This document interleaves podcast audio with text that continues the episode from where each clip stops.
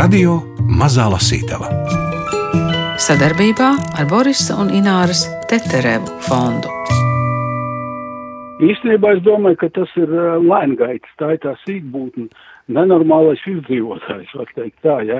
Viņš spēja dzīvot ārprātīgā augstumā un izdzīvot vulkāniskā karstumā. Tas ir tas lēngaiša viņa esence. Un viņš tur saritinājies ir tas dzīvnieks centrā, ap viņi ir karstuma, oranžē tas karojums. Un ledainais tālais visum kosmos tūpja absolūtās nulles, absolūtais gan vai augstums. Andris Zēbots stāsta par grāmatas lēngaitis simbolisko vāku, kur veidojas Jānis Esītis. Lēngaitis tā ir sīkbūtne, kura var eksistēt nevienai citai būtnei neizdzīvojamos apstākļos. Lēngaitis ir Andra Zēbota romāna nosaukums. Jā, tā ir būtne. Tā ir būtne lēngaits, kurš šī brīdī cenšas izdzīvot. Tāpat kā teksta autors, mokoties ap tekstu, cenšas to izteikt nevis tā, lai tas pārvērstos sastingušā schēmā, bet lai dot iespēju kustībai šurp un turp. Es ieeju raudivē, raudīva atgriežas manī. Tas ir romāns par Konstantinu Raudīvu un Zentu Mauriņu pagājušā gadsimta 60. gados Dienvidvācijas mazpilsētā Bāda Krocingenē. Tas ir romāns, kurā katram personāžam ir sava, kaut arī dīvaina taisnība, lasa Gunārs Sāboliņš. Fon Bīlovs nolaida skatienu, kā pieķerts melos Tomēr tūlīt pat steidzīgi turpināja: Ak, jūs uzminējāt manas visslēptākās ilgas. Tas jau ir tas, kādēļ nāca pie jums. Visa Vācijas Federatīvā republika zina par jūsu eksperimentiem, zina, ka pie jums brauc parapsiholoģijas speciālisti no visas pasaules. Aicina jūs uz kongresiem, NNN. Pats personīgi esmu apmeklējis jūsu priekšlasījumu Hamburgas centrālajā bibliotekā. Es teicu, šis apmeklējums raisīja manī mm, neiz neizdzēšamu iespaidu. E, tad es gribēju lūgt, es labprāt ziedotu pienācīgu summu, cik varētu atļauties jūsu eksperimentiem. Es neesmu bagāts, e, taču mūsu laikos tomēr zinātnē ir jāpabalsta. Esmu šajā ciešajā pārliecībā noskaņots. Sakiet, cik? Tas būtu lieki, mans kungs raudīja noraidīja. Nē, nē, nē, nē, neliedziet, zinātnē ir jāuztur esmu materiālists, es eh, pozitīvistu uzskatiem piekrītu. Eh, Augusts Konts un tā tālāk, Feuerbachs, eh, protams, arī vispār zinātne. Es uzstāju, ka vēlos jūsu pasākumam ziedot. Un viņš nolika uz galda desmit vācu markas vienā banknotē. Uz tās tēlojās renesanses mākslinieka Albrehta Dīrera jaunā vīrieša portrets. Ļoti pateicos. Konstantīns atteica drīzāk vēsi nekā pateicīgi. Kādas nejaukas šaubas urdīja viņa prātu. Mūžīgais skeptiķis, nervozais un paštaisnais kostja, kā banknotes attēla rēks, pacēlās viņa apziņā. Viņā modās neskaidras aizdomas, ka šis aristokrāta pēctecis varētu būt savu stāstu sagudrojis tik tālāk, lai kliedētu garlaicību un drīkstētu piedalīties eksperimentā. Ja tā, tad vēl tā komēdija. Raudīve labprāt sadarbojās ar ikvienu, kurš būtu ar mieru klausīties viņa lenšu ierakstos. Reizēm ieaicināja cilvēkus no ielas, kaimiņus, pastnieku Milleru, citus garām gājējus. Jā, neparasti, dīvaini, Tomēr jo plašāks būs eksperimentā piedalījušos dažādu sabiedrības slāņu pārstāvu lokus, jo rezultāts ticamāks. Un gandrīz visi apstiprināja, ka dzird balsis magnetofona lenču šņākoņā vai radio izlādes sprakšķos starp stacijām. Pirms apmēram pusgada, toreiz, kad eksperimentam noderētu liecinieks, viņš lejā laboratorijā bija novedis vietējās baznīcas mācītāju Apfelbaumu kungu, arī abu sekretārus un draudzenes Irēni Mellis un Annemariju Morgentāleri. Par eksperimenta dalībnieku, novērotāju vai dzirdes kontrolieri varēja kļūt jebkurš. Nekādu problēmu. Ik viens cilvēks, kam piemīt jūšanas spējas, empīriski drīkst apstiprināt eksperimenta rezultātus kā reāli dzirdēto. Es ticu vienīgi paša mm, acīm un ausīm. Tā gan Cita nekā reāli nav un nevar būt, noskaldīja aristokrāta pēctecis. Viņš atkal sagrābstīja zāļu pudelīti. Vai jums tiešām jādzer tik daudz zāļu? Zenta uztraucās. Ak, tas ir tikai uztraukuma dēļ, man rokas trīc. Darbā kundze, es atvainojos, reibonis. Bet pēc šīs mazās zāļu ripiņas ieņemšanas uz brīdi ķermenis nomierinās. Dažkārt teju kā augšām cēlies Jēzus jūtos. Jūs nopietni? Dārgā kundze, ko jūs joki, protams. Lēngaitis ir ne tikai romāns par diviem intelektuāļiem Trimdā, Zentu Mauriņu un Konstantīnu Raudivi, ne tikai par namu, kura pagrabā Raudive veic balsu ierakstus, bet augstāvā Zenta Mauriņa atvēl istabu brīvdomīgiem teātra eksperimentiem. Te ir arī detektīva intriga un ideju konflikti. Autoram Andrim Zeibotam jautāju, kāpēc izvēle kritusi tieši uz 20. gadsimta 60. gadiem. Tas bija tā, ka jau iepriekšējā romāna tapšana, tad, kad Krauklis pa ziemeļnieku tapa, ja, tad bija, nu, savākts milzīgs materiāla un viena ļoti liela materiāla tāda daļa bija par kāra ietekmu uz uz cilvēku psihiju. Nu, pēc Pirmā pasaules kara tas bija domāts. Es sapratu, ka ievietot to vēl krauklī būtu vēl, jau tā, tur pār 600 lapusiem, tad tas vēl kāds simt dot klāt, ja es gribētu vēl arī to ilgt. Līdz ar to es sapratu, ka šo kara psihes traumu pētījumu Un to materiālu, kas ar to saistās, ir jāieliek citā gabalā. Un šis cits gabals tad arī ir lēngaids, kas ir nevis pēc pirmā, bet pēc otrā pasaules kara, kas ir vēl nežēlīgāks bijis un vēl briesmīgāk tos cilvēkus izcits ārā no viņa. Tās arī, nu, gal galā klasiskās domāšanas, Zent Mauriņa, Konstants Raudiv, viņa ir klasiskās domāšanas pārstāva. Bet pēc kara kas nobrukt šīs schēmas e, tā vienkāršā iemesla dēļ, ka viņas izrādījās nespējīgas apturēt to nelaimi, ko neskārš. Un tad absurda laiks, tad eksistenciālisma laiks, tad ir 67. gads, kas ir jau pārēja uz postmoderno domāšanu, kas ir vēl cits laiks. Par romānu Lēngaitis un plūsmojumu stāsta rakstnieks Andris Zeibots, lasīt turpina Gundars Āboliņš. Lūdzu atcerieties, ka romānā ir arī detektīvs sižets un izmeklēšana. Pēcpusdienā Konstants vairs nebija valdāms savā entuziasmā, savā pētnieka kaislē. Viņš par katru cenu bija izlēmis abas viesņas un zentu iesaistīt balsu eksperimentā. Tiešām man te jau nedēļu ir gājis pilnīgi pa tukšo. Tik vien kā pustraks aristokrāts bija ieradies izsaukt sievas garu, it kā man te būtu kāds spiritistu kantoris. Eh, ko nu?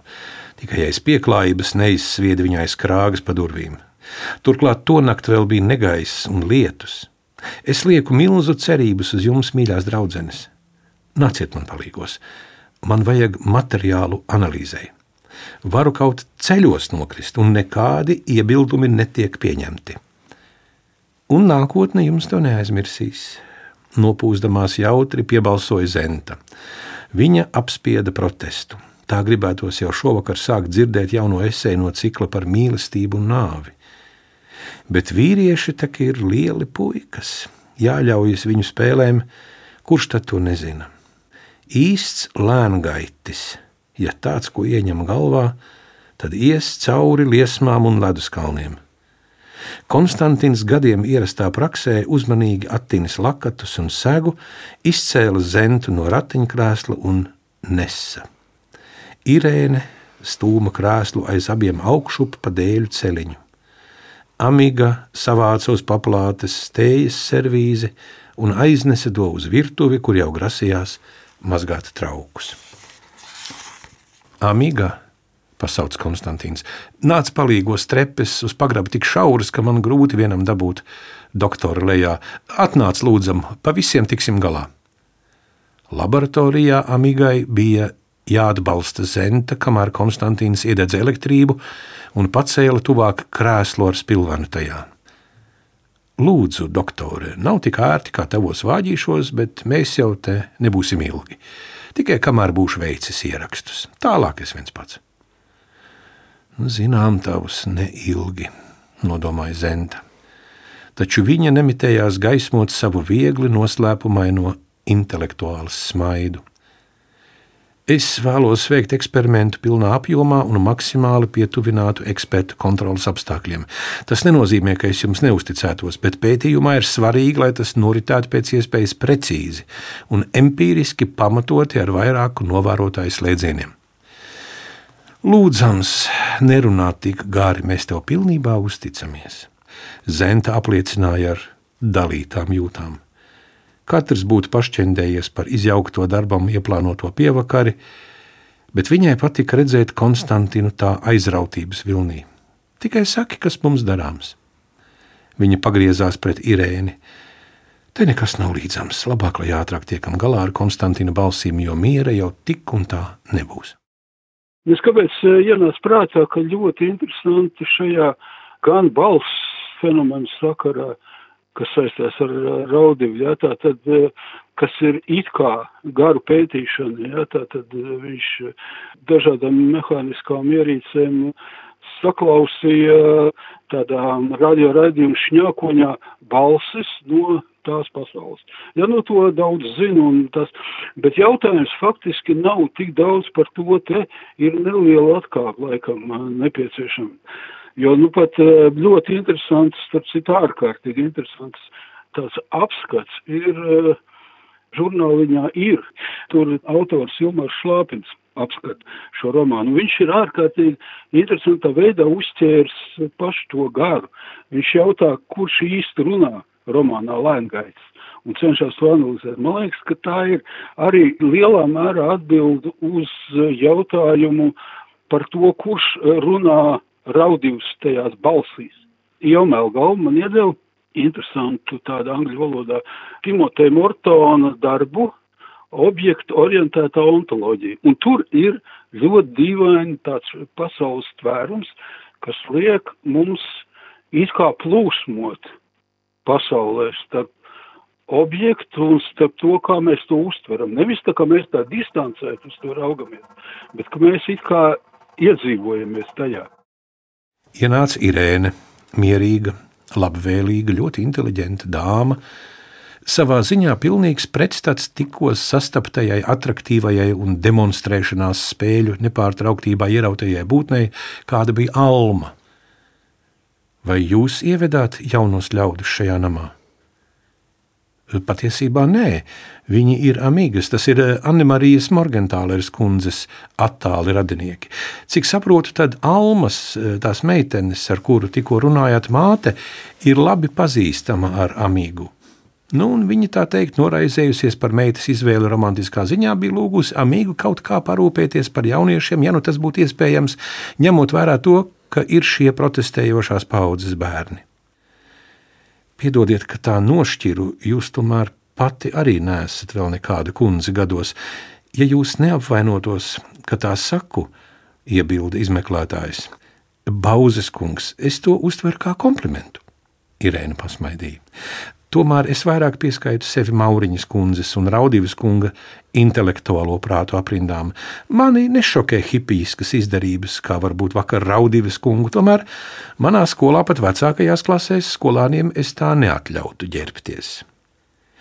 Vai Raudīvas kungam bija kāds konflikts ar jauniešiem? Es teiktu, ka viņš tikai pateicoties savam izcilajam gribas spēkam savaldījās, lai neeksplodētu. Kādēļ? Jūs vēl jautājat. Viņu uzvedība un arī teātris māksla, kuru šie jaunie ļaudis pārstāv, šķiet tomēr nesaskan ar Raudīvas un Mauriņas kundzes mākslas vērtētāju līmeni. Viņiem tas varētu likties kaut kas pārāk brutāls un mākslas notikuma nosaukuma necienīgs. Tiesa, neesam vēl šo priekšnesumu neviens redzējuši, tā kā pāragri spriest, tomēr, vai tad jaunieši gatavojās izrādēji? Jā, Mauriņas kundze pat ierosināja, cik nojauši vairākais pieklājības, un izrāde notiks tepat mūsu mājā, lielajā istabā. To es arī gribētu redzēt. Pārdomām vējojot, kā sev pašam bilda komisārs. Thank you.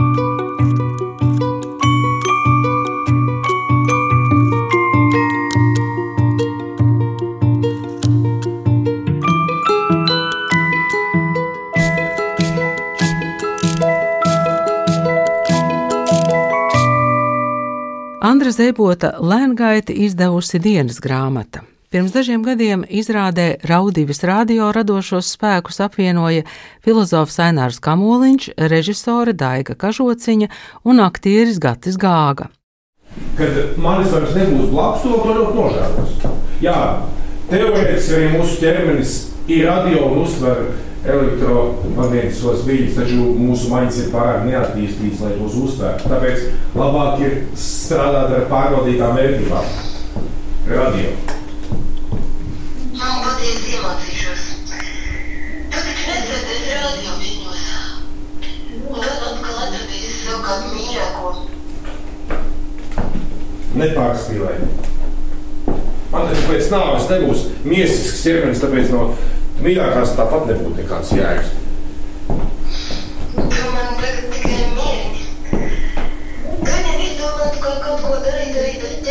Palīdzības.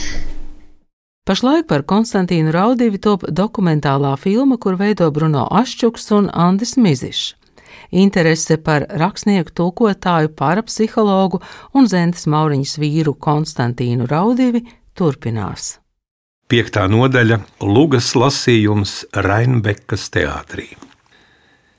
Pēc četrām dienām vakarā viesnīcā iebrauca Zenta un Amīga.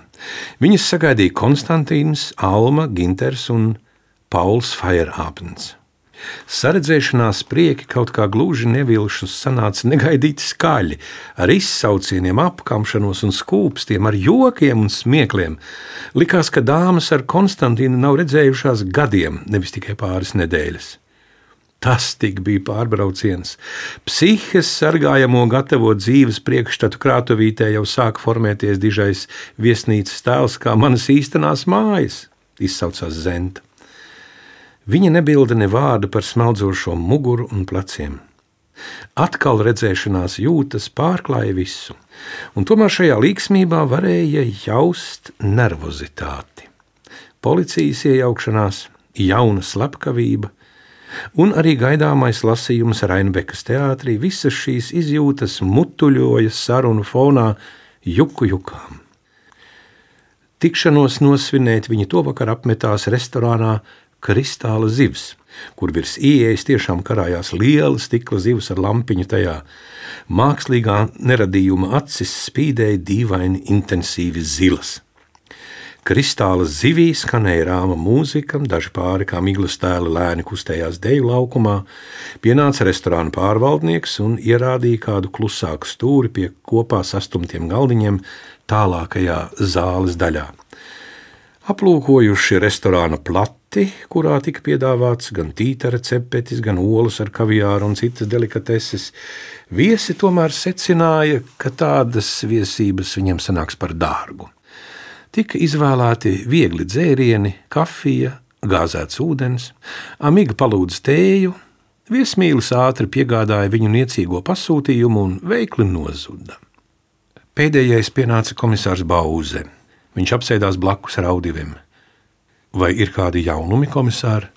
Konstants iejautājās bez lieka skaļuma. Jā, tas atbildēja rīt, braukšu uz Krocingeni. Kolēģi ir atraduši Ullu Rūderni un aizturējuši, kā izdomās turēto. Gribētos pašam viņu izjautāt.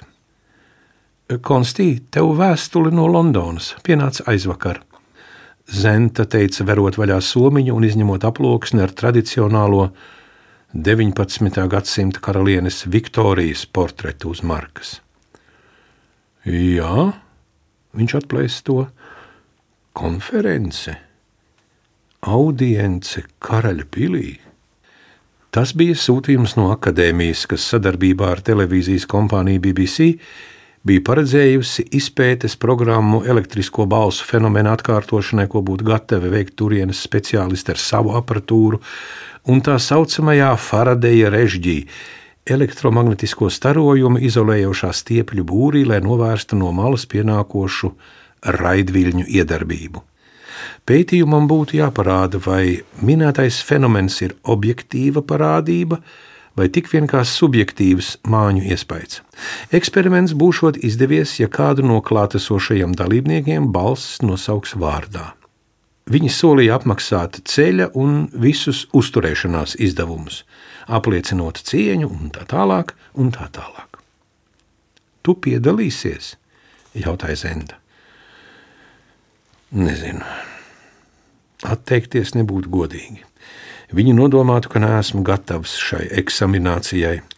No otras puses, te viss tik samudžināts, nav īsti skaidrs, kā virzīsies policijas izmeklēšana. Par to neuztraucieties, kungs, teica Bauza. Policijai nav tiesība jūs aizturēt ilgāk par likumā noteikto laiku. Ja nebūs nekādu jaunumu, jūs droši varēsiet braukt uz Londonu. Paldies vismaz par šo ziņu. Restorāna apmeklētāju skaits bija jūtami pieaudzis, dejotāja pulks krietni paplašinājies, un uz nelielā laukumiņa starp galdiņu rindām un orķestra paaugstinājumu jau cieši cits pie citas piedās pulks viesu. Sakiet, Ginter, vai jaunais iestudējums atkal būs ieturēts jūsu iecienītajā absurda garšā? jautāja Zenta. Nē, Tā ir Paula lūguma. Tajā daudz konceptuālu jēdzienu un filozofijai piederīgu atsauču, līdz ar to iestudējums drīzāk atgādinās eksistenciālistu drāmas, kas tāds kā, nu, piemēram, Sartra dramaturģija. Tas būs kas absolūti nesaprotams parastiem skatītājiem, apvaicājās Amiga. Jā, tante Anna Marija, tā tas varbūt arī būs. Ginters bildi mierinoši, bet, ja vēlaties, varat to skatīties arī kā visparastāko mīlestības stāstu, tikai ar to starpību, ka mūsu centrālais varonis, kuru spēlēšais pats, redz savu mīļoto kā sapņu tēlu, kā ilūziju, kā halucināciju. Romantiski piezīmēja Zenta. Jā, iespējams. Ginters paraustīja plecus. Te fragmentā pieminētais Feirābens, Pauls Feirābens nevelti ir ielikts. Viņš ir viens no relativismu teorētiskiem pamatlicējiem, un viņš kā tēls pat ienāk iekšā, ja, šeit romānā, kā jūs manījāt. Tad lūk, caur šo relativistisko skatījumu, caur to sabrūk arī daudz lietas, kas saistās ar to pašu struktūrālismu, kur zīme kādā laikā aizņēma klasiski to absolūtu centru, schēmas absolūtu centru. Bet ar to, ka schēmas, ka viņas nav ilgdzīvojošas, ka viņām ir jāmainās, un ka tas ir, zināmā mērā, tāds um, civilizācijas garīgā mantojuma likums, ka schēmām ir jāmainās. Ņūtona fizika nomaina Einsteina fiziku, teiksim, klasisko Zents Mauriņas domāšanu nomaina postmodernā domāšana un tā tālāk tā joprojām. Par to arī kaut kādā ziņā ir šis stāsts un tieši tāpēc, ka 67. tie gadi, 60. gadu beigas ir šis pārējais posms, kurš vēl joprojām nav zaudējis saikni ar kara laiku, un kurš ir tomēr tas viļņa ieplaka uz nākošo, uz jauno domāšanu, man liekas, tur ir tā dramaturgiskā vislielākā intensitāte, tāpēc es izvēlējos tieši šo laiku. Par romāna Lēngaitis plūsmojumu un laika vilkmi stāstīja autors Andris Zēbots. Viņam jautāja Ingvilda Strautmane, lasīja Gundars Āboliņš, raidījumu veidoja Agita Bērziņa un Rēnis Budze. Izvēlēju šo laiku tieši tādēļ, ka tur ir lielākā vilkme.